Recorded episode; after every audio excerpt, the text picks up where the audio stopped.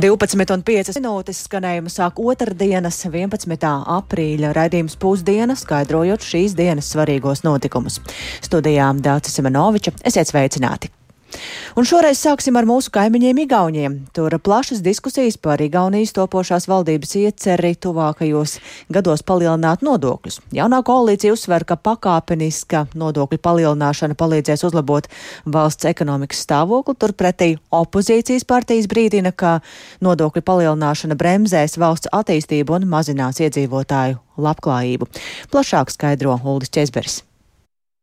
Šonadēļ darbu uzsāks Igaunijas jaunā valdība, ko veidos trīs politiskie spēki - Reforma partija, partija Igaunija 200 un Sociāldemokrātiskā partija. Koalīcija jau ir nonākusi kritikas krustugunīs par tās ieceri palielināt nodokļus. Koalīcijas līgums paredz, ka no 2024. gada 1. janvāra pievienotās vērtības nodokli palielinās no pašreizējiem 20% līdz 22%. Savukārt no 2025. gada 1. janvāra pieaugs arī iedzīvotāju ienākumu nodoklis un uzņēmumu ienākumu nodoklis, kurus palielinās no 20% līdz 22%. No aiznākamā gada arī atcels uzņēmumu ienākumu nodokļa pazemināto likmi 14% apmērā, ko var piemērot uzņēmumiem, kuri regulāri izmaksā dividendes.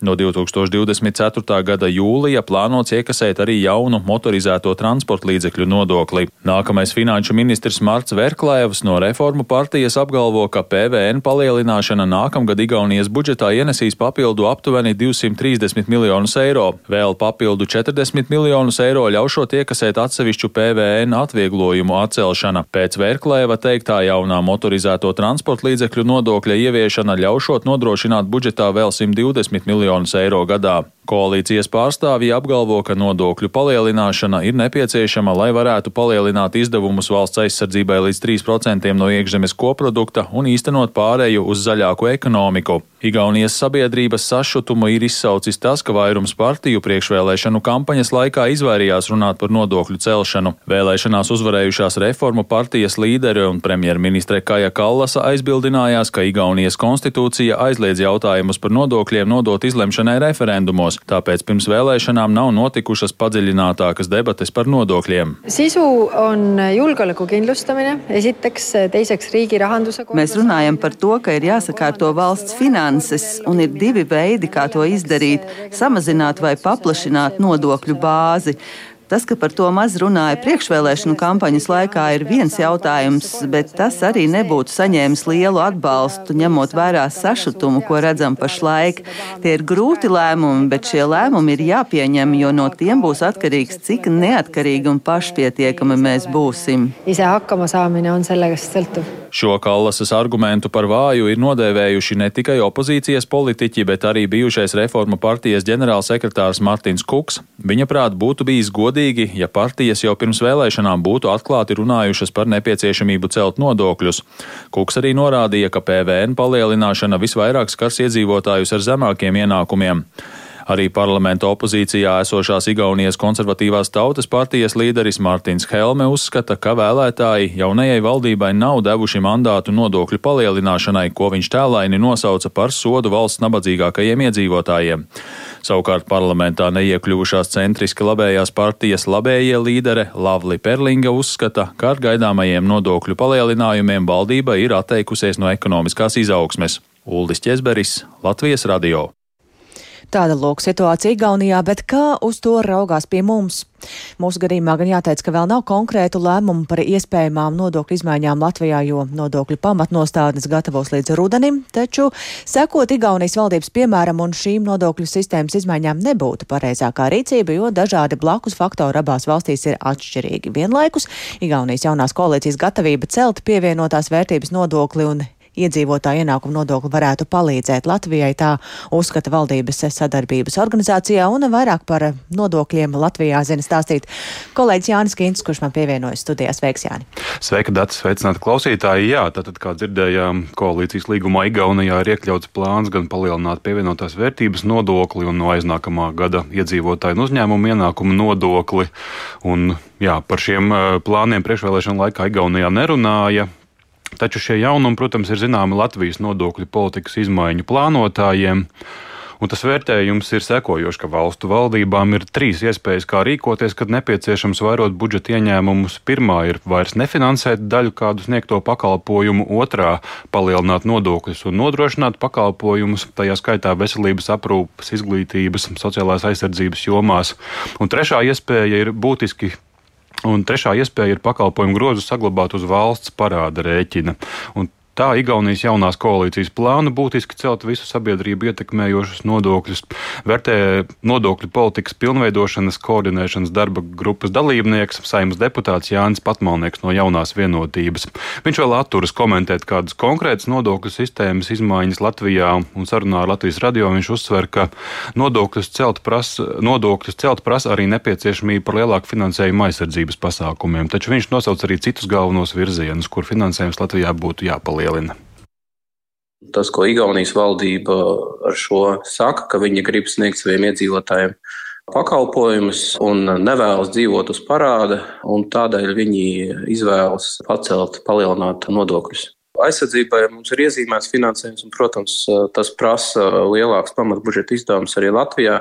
Mums skaidri ir iezīmējušās divas izteiktas jomas, kur finansējums ir nepietiekams. Tā ir veselības aprūpe un sociāla aizsardzība, kurās tas finansējums ir nepieciešams papildus, ja iedzīvotāji vēlas saņemt labākus pakalpojumus no valsts puses.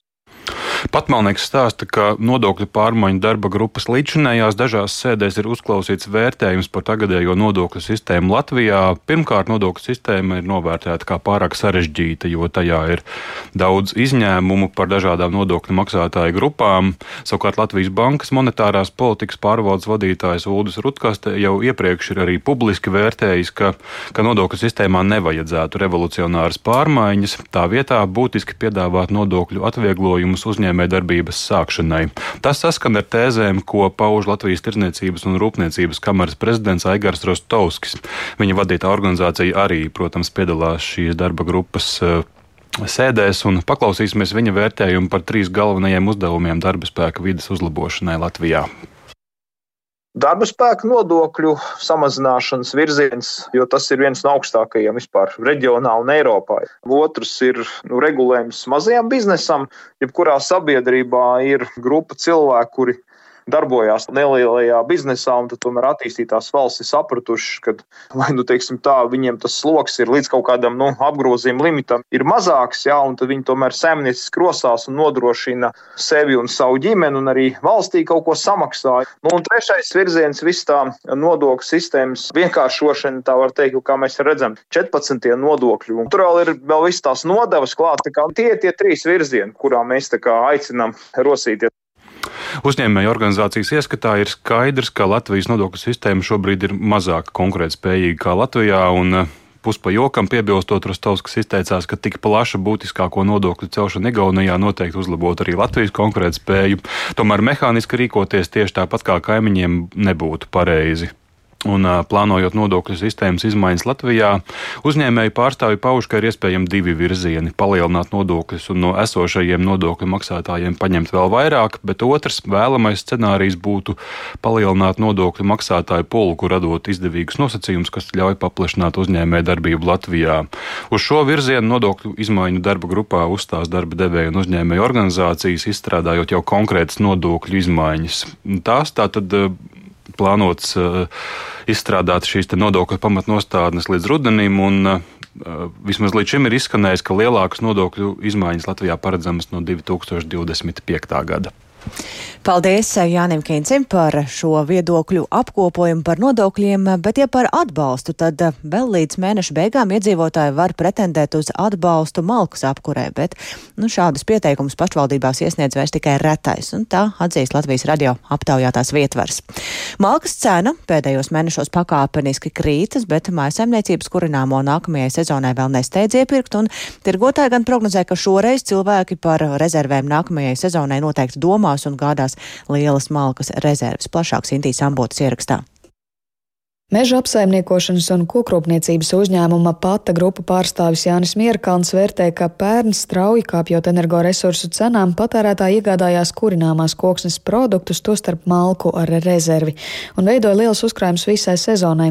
Uzņēmums apkurs vajadzībām arī mājasaimniecībām tirgo briketes un malku. Šobrīd saskaldītas malkas cena tirgo kritusies par aptuveni 50% lēš Mierkalns, bet uzņēmumā mājasaimniecība pieprasījums pēc malkas pagaidām nav būtiski kāpis kritums ir būtisks. Ja mēs pieliekam loģisko inflācijas ražošanas izmaksu pieaugumu, tad mēs varētu teikt, ka jau esam tuvu tam, kāds tas bija pagājušā gada sākumā. Ja. Kāds tirgo berkubikmetru, kāds tirgo cieškubikmetru, kāds arī pārdot krāmētu, ja kāds nu, maisiņu litros, nu, tā, tas mērķis ir dažāds. Tā kā, bet nu, kopumā, ja skatās uz to visu energo koksnes grozu, nu, tad ir jā, no 40 līdz 50 procentiem tas samazinājums pēc pērnā gada augstāko punktu ir noticis nu, interesējās par, par cenām, interesējās par pieejamību. Kā, bet, lai teiktu, ka ir liela aktivitāte šobrīd, nav. Nu, krājumi bija diezgan labi sagatavoti un šobrīd viņi izmanto tos pašus. Savukārt uzņēmums Kadiķa ARV nodarbojas ar malkas iepirkšanu un piegādi. Tā pārstāvis Arnis Reisnis gan norāda, ka, lai arī tirgu kurināmajai koksnē cena krīt, no meža strādātājiem vēl nevar iegādāt kurināmo koksni par zemāko pirmskara līmeņa cenu. Arī viņš apstiprina, ka cilvēki aktīvi interesējas par malkas cenu, bet no iegādes vēl atturas. Iedzīvotāji zvana, bet saka, vai vai vai cik dārgi. Viņi saka, malkai taču jābūt lētākai. Mēs sakam, jā bet mums vēl viņa nav palikusi lētāka. Un mēs tā kā gaidām, mēs pat nepērkam, mums tā kā vajadzētu jau sākt vēst, jo cilvēki jau zvana un interesējās. Bet mēs gaidām, kad, nu, tieši to apgures, nu, tā kā beigsies apgures sezonu, tad nevienam neko vairs nevajag. Tad, pat cik būs, tad tik arī pirksim. Iedzīvotāji visas aizvadītās apkuras sezonas laikā varēs saņemt arī dažādu veidu atbalstu malkas apkurei. Piemēram, Gulbenes novada pašvaldībā pērn rudenī saņemt 4937 pieteikumu malkas apkuras kompensācijai bez čeka. Kopumā mājsaimniecībām izmaksāti vairāk nekā 287 tūkstoši eiro. Savukārt visas sezonas garumā tikai septiņas mājsaimniecības malkas apkuras atbalstam pieteikušās ar uzrādītiem čekiem, un kopumā tādajādi izmaksāti ap 3300 eiro. Šim Šim atbalstam iedzīvotāji gan vēl var pieteikties līdz mēneša beigām, turpina pašvaldības pārstāvja Jāna Igaviņa. Šobrīd šī kustība ir apsīkusi un pēc mūsu aplēsēm tās mājasēmniecības, kas varēja, tās pretendēja un saņēma šo te maksājumu. Šobrīd, kā lai saka, esam uz pavasara sliekšņa un, un, un cilvēki vairāk domā par zemes darbiem un par visām šīm lietām, protams, mēs nevaram atslāt, mums ir jādomā gan kā pašvaldībai, jo mums arī ir vairāki objekti, ko mēs apkurinam ar malku. Aizkraukas novadā gan pat laban vēl ir neliela iedzīvotāja aktivitāte, piesakoties atbalstam malkas apkurē. Pat laban trīs pieteikumi ir izskatīšanas procesā, bet visas apkuras sezonas laikā atbalstam par malkas iegādi ar čeku bijuši vien 12 pieteikumi, saka vietvaras pārstāvē Vīvēt Strāne. Bez čekiem, protams, iedzīvotāji ir bijuši daudz aktīvāki, un tajā periodā, kas bija salīdzinoši īsi, ir iesniegts 6339 pieteikumi atmaksai, un atteikumus saņēma 168, un kopā izmaksāts 370 tūkstoši 980 eiro šajā pabalsta veidā. Protams, pašvaldības ieskatā būtu prātīgi jau šobrīd sākt plānot nākamā gada apkuras izdevumus un to, kā sev sagādāt malku laicīgi, taču, protams, mēs arī saprotam, ka iedzīvotājiem ir bijusi gana sarežģīta ziema ar milzīgi augstu inflāciju un, un arī uz pārtikas produktiem, protams, šīs cenu kāpums ir bijis ievērojams. Meža izsoļu sistēmas Latvijā E-Silva pārstāvi prognozē, ka malkas cena maijā sasniegs zemāko punktu, bet vasaras vidū, kad maisaimniecības sāks gatavoties nākamajai apkuras sezonai un pieprasījums pēc enerģētiskās koksnes palielināsies, atkal varētu būt novērojama cenas augšupeja. Sinti Ambote, Latvijas radio. Programmu mēs turpinām ar notikumiem citvietas pasaulē. ASV un Filipīnu bruņoties spēki šodien sāka pēdējo desmitgažu laikā apjomīgākās kopīgās kaujas gatavības mācības, kas norisināsies Dienvidu Ķīnas jūrā. Filipīnās rīkotie manevri tiek rīkoti, lai cita starpā izvērtētu sabiedroto militāro spēku kombinēto ieroču kaujas, šaušanas un informācijas un arī izlūk datu apmaiņas spējas. Manevros piedalīsies arī gandrīz 18 tūkstoši karavīru. Vairāk par to Rustam Šukūros. ASV un Filipīnu militārās mācības sākas tikai dienu pēc tam, kad noslēdzās Ķīnas militārās mācības Taivānas tuvumā. Tomēr iepriekš ASV un Filipīnu bruņoto spēku pārstāvji norādīja, ka militārās mācības nevajadzētu uztvert kā atbildi Ķīnas īstenotajiem manevriem. Tikmēr aģentūra Bloomberg norādīja, ka Filipīnās rīkoto manevru vērienīgums liecina par ASV centieniem stiprināt attiecības ar Filipīnām prezidenta Ferdinanda Markosa jaunākā prezidentūras laikā. Iepriekšējais Filipīnu prezidents Rodrigo Duterte deva priekšroku attiecību stiprināšanai ar Ķīnu. Jāmin, ka februārī Vašingtona noslēdza jaunu aizsardzības līgumu ar Manilu, saskaņā ar kuru Filipīnu salās netālu no strīdīgajiem ūdeņiem tiks izveidotas četras jaunas ASV jūras spēku bāzes. Trīs no šīm bāzēm atrodas uz ziemeļiem no Luzonas salas, kas ir Taivānai tuvākā zeme, izņemot Ķīnu. Ūdensceļi ap Filipīnām un Dienvidķīnas jūru ietver dažus no pasaules vērtīgākajiem tirzniecības ceļiem. Caur tiem iet aptuveni 40% pasaules tirzniecības satiksmes un tiek transportēti līdz 80% Ķīnas naftas un gāzes importa. Ķīnas teritoriālo strīdu pamatā ar citām reģiona valstīm ir kontrole pār šiem ūdensceļiem. Rustam Šukurovs, Latvijas Rādio.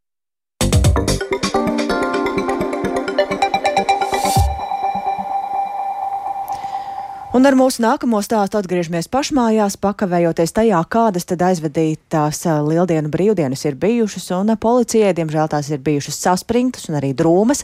Valsts policija trīs svētku dienās ir reģistrējusi tikpat daudz ceļu satiksmes negadījumu, cik pērn četrās dienās. Konstatēts arī vairāk nekā simt kūlas ugunsgrēku. Vairāk par eh, pagājušām brīvdienām ir gatavs stāstīt kolēģis Viktors Demīdovs, kurš pievienojas man šobrīd studijā. Sveiks, Viktor, un vispirms par ceļu satiksmes negadījumiem. Cik nopietni tie ir bijuši? Jā, sveicināti. Nu, tad trīs dienu laikā valsts policija konstatējusi vairāk nekā 240 ceļu satiksmes negadījumus, kuros cietuši teju 40 cilvēku. Viens gājis bojā, un salīdzinot ar pagājušā gada lieldienām pērn, četru dienu laikā likumsargi fiksējuši 246 smagākus negadījumus un cieta mazāk - 33 cilvēki un bojā gājušo nebija. Par šī gada otrajām lieldienām, respektīvi par vakardienu, valsts policija datus vēl ievada, bet uzreiz var teikt, ka šogad svētki bijuši drūmāki. Un tad policija to skaidro ar labiem laikapstākļiem, cilvēki devušies izbraucienos, ciemos un tā tālāk. Un savukārt, ja mēs runājam par dzērāju šoferiem, tad visās brīvdienās policija konstatējusi 77 reizes, kad vadītāji vadītāji bijuši alkohola reibumā, un no tiem vairāk nekā 40% gadījumu, jeb 33 reizēs alkohols izelpā bijis vairāk nekā pusotru promili liels. Un ko tas nozīmē? Tas nozīmē, ka ir sākta krimināla lieta, un šiem vadītājiem spēkrutus ļoti iespējams var atņemt. Vēl piecos gadījumos likumsargiem radušās aizdomas, ka vadītāji bijuši narkotisko vielu mm, reibumā. Un salīdzinot ar iepriekšējo gadu, tad, kā norāda valsts policijas pārstāvis Arturs Smilga, tad situācija nav uzlabojusies. Alkohola un narkotisko vielu reibumā bijuši tikpat daudz vadītāju, bet šogad uh, ir tā viena Pozitīvā ziņa ir sarucis to vadītāju skaits, kuriem alkohols izaupā konstatēts izteikti daudz, respektīvi virs pusotras promils. Tad šogad tādu mm, ir mazāk, pērn vairāk. Un tas iespējams ir tāpēc, ka kopš pērnā gada novembra ir bargi sodi par vadīšanu stiprā reibumā. Taču smilgi norāda, ka neatkarīgi no tā problēma valstī ir ļoti nopietna. Un tad lūdzu paklausīsimies policijas pārstāvi teikto. Pēc OECD datiem mēs redzam, ka Latvija pasaulē ir pirmajā vietā uz alkohola patēriņu uz vienu cilvēku gadā. Mēs redzam, alkohols ir brīvi pieejams gandrīz katrā veikalā. Alkohols ir lēts.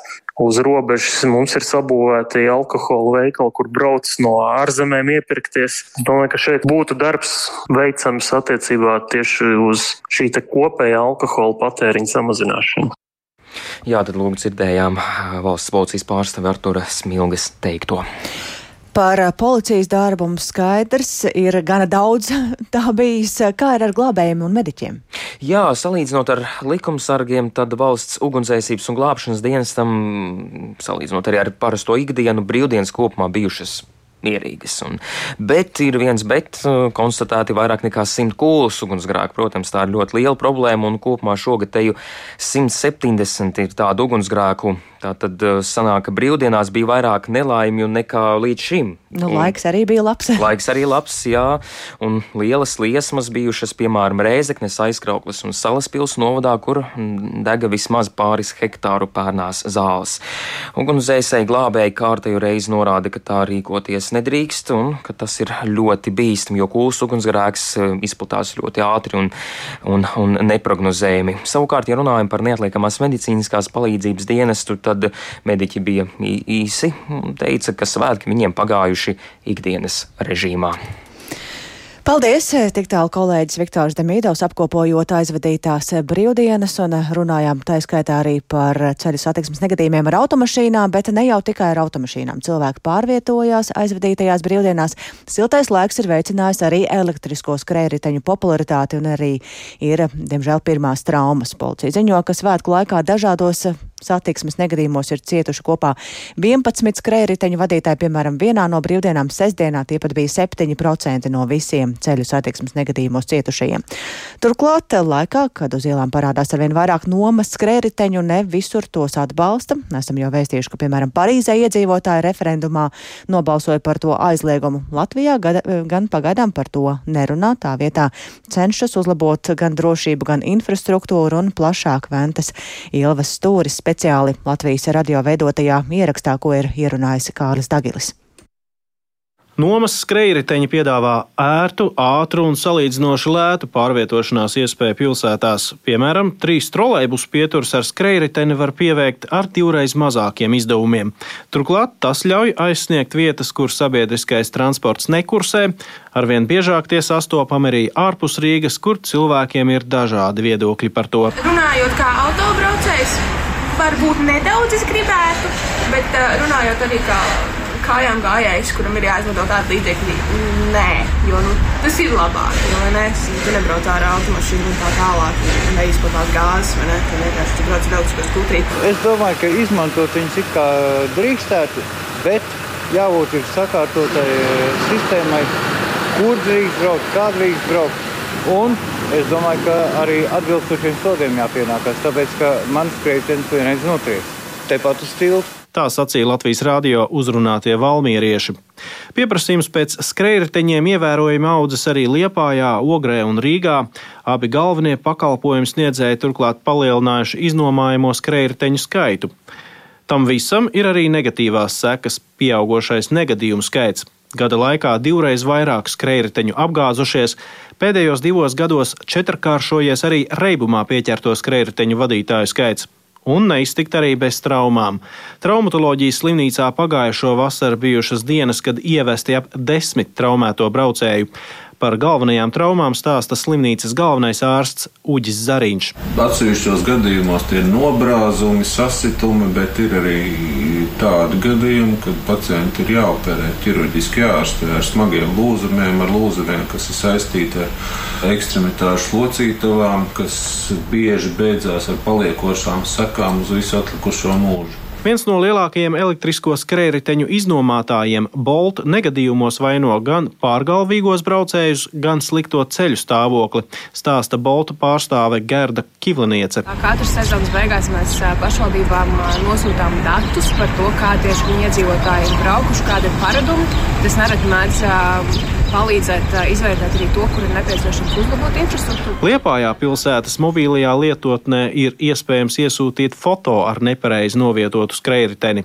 Lai gan šobrīd Latvijā nav oficiālu skrējriteņu stāvvietu, cita skrējriteņu nomas operatora tūl vadītājs Raivs Ozoliņš lielas problēmas tajā nesaskata. Es domāju, ka uz doto brīdi jau ir šādas lietas, vienkārši viņas nav uz pilsētā apzīmētas, ko mēs aicinātu pilsētai pievērst uzmanību, jo visi skrējriteņu operatoriem savās aplikācijās aplikācijās jau ir norādīts ieteicamās stāvvietas. Tās ir tās vietas, kurās mēs, kā skrējēju operatori, novietojam un relocējam savus skrējējus no tuvākās apkārtnes konkrētajā rajonā Rīgā, lai tie koncentrētos konkrētās vietās, kur viņi ir visvairāk liederīgi pilsētas iedzīvotājiem un ērtāk rokai. Skrējēju operators šosezon gatavojas informatīvajām kampaņām par drošību. Tāpat ierobežots tiks pārvietošanās ātrums brīvdienu nakts stundās un pie skolām. Kārlis Dagilis, Venta Ilva Stūris, speciāli Latvijas radio. Un ar to arī izskan raidījums pusdiena. Producents Kārlis Dagilis ierakstus montēja Renāša Steimanis par labskaņu rūpējās Rita Karnača un ar jums sarunājās Dācis Semenoviča. Vēl īsi par būtiskāko Igaunijā asas debates par ieceri celt nodokļus Latvijā, pagaidām atturīgi par sekošanu ziemeļkaimiņiem.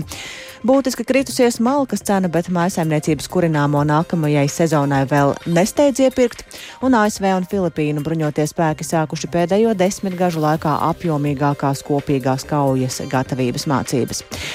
Mūsu ziņām un arī raidījumiem var sekot līdzi arī raidierakstu platformās un sabiedrisko mediju portālā LSMLV. Yeah.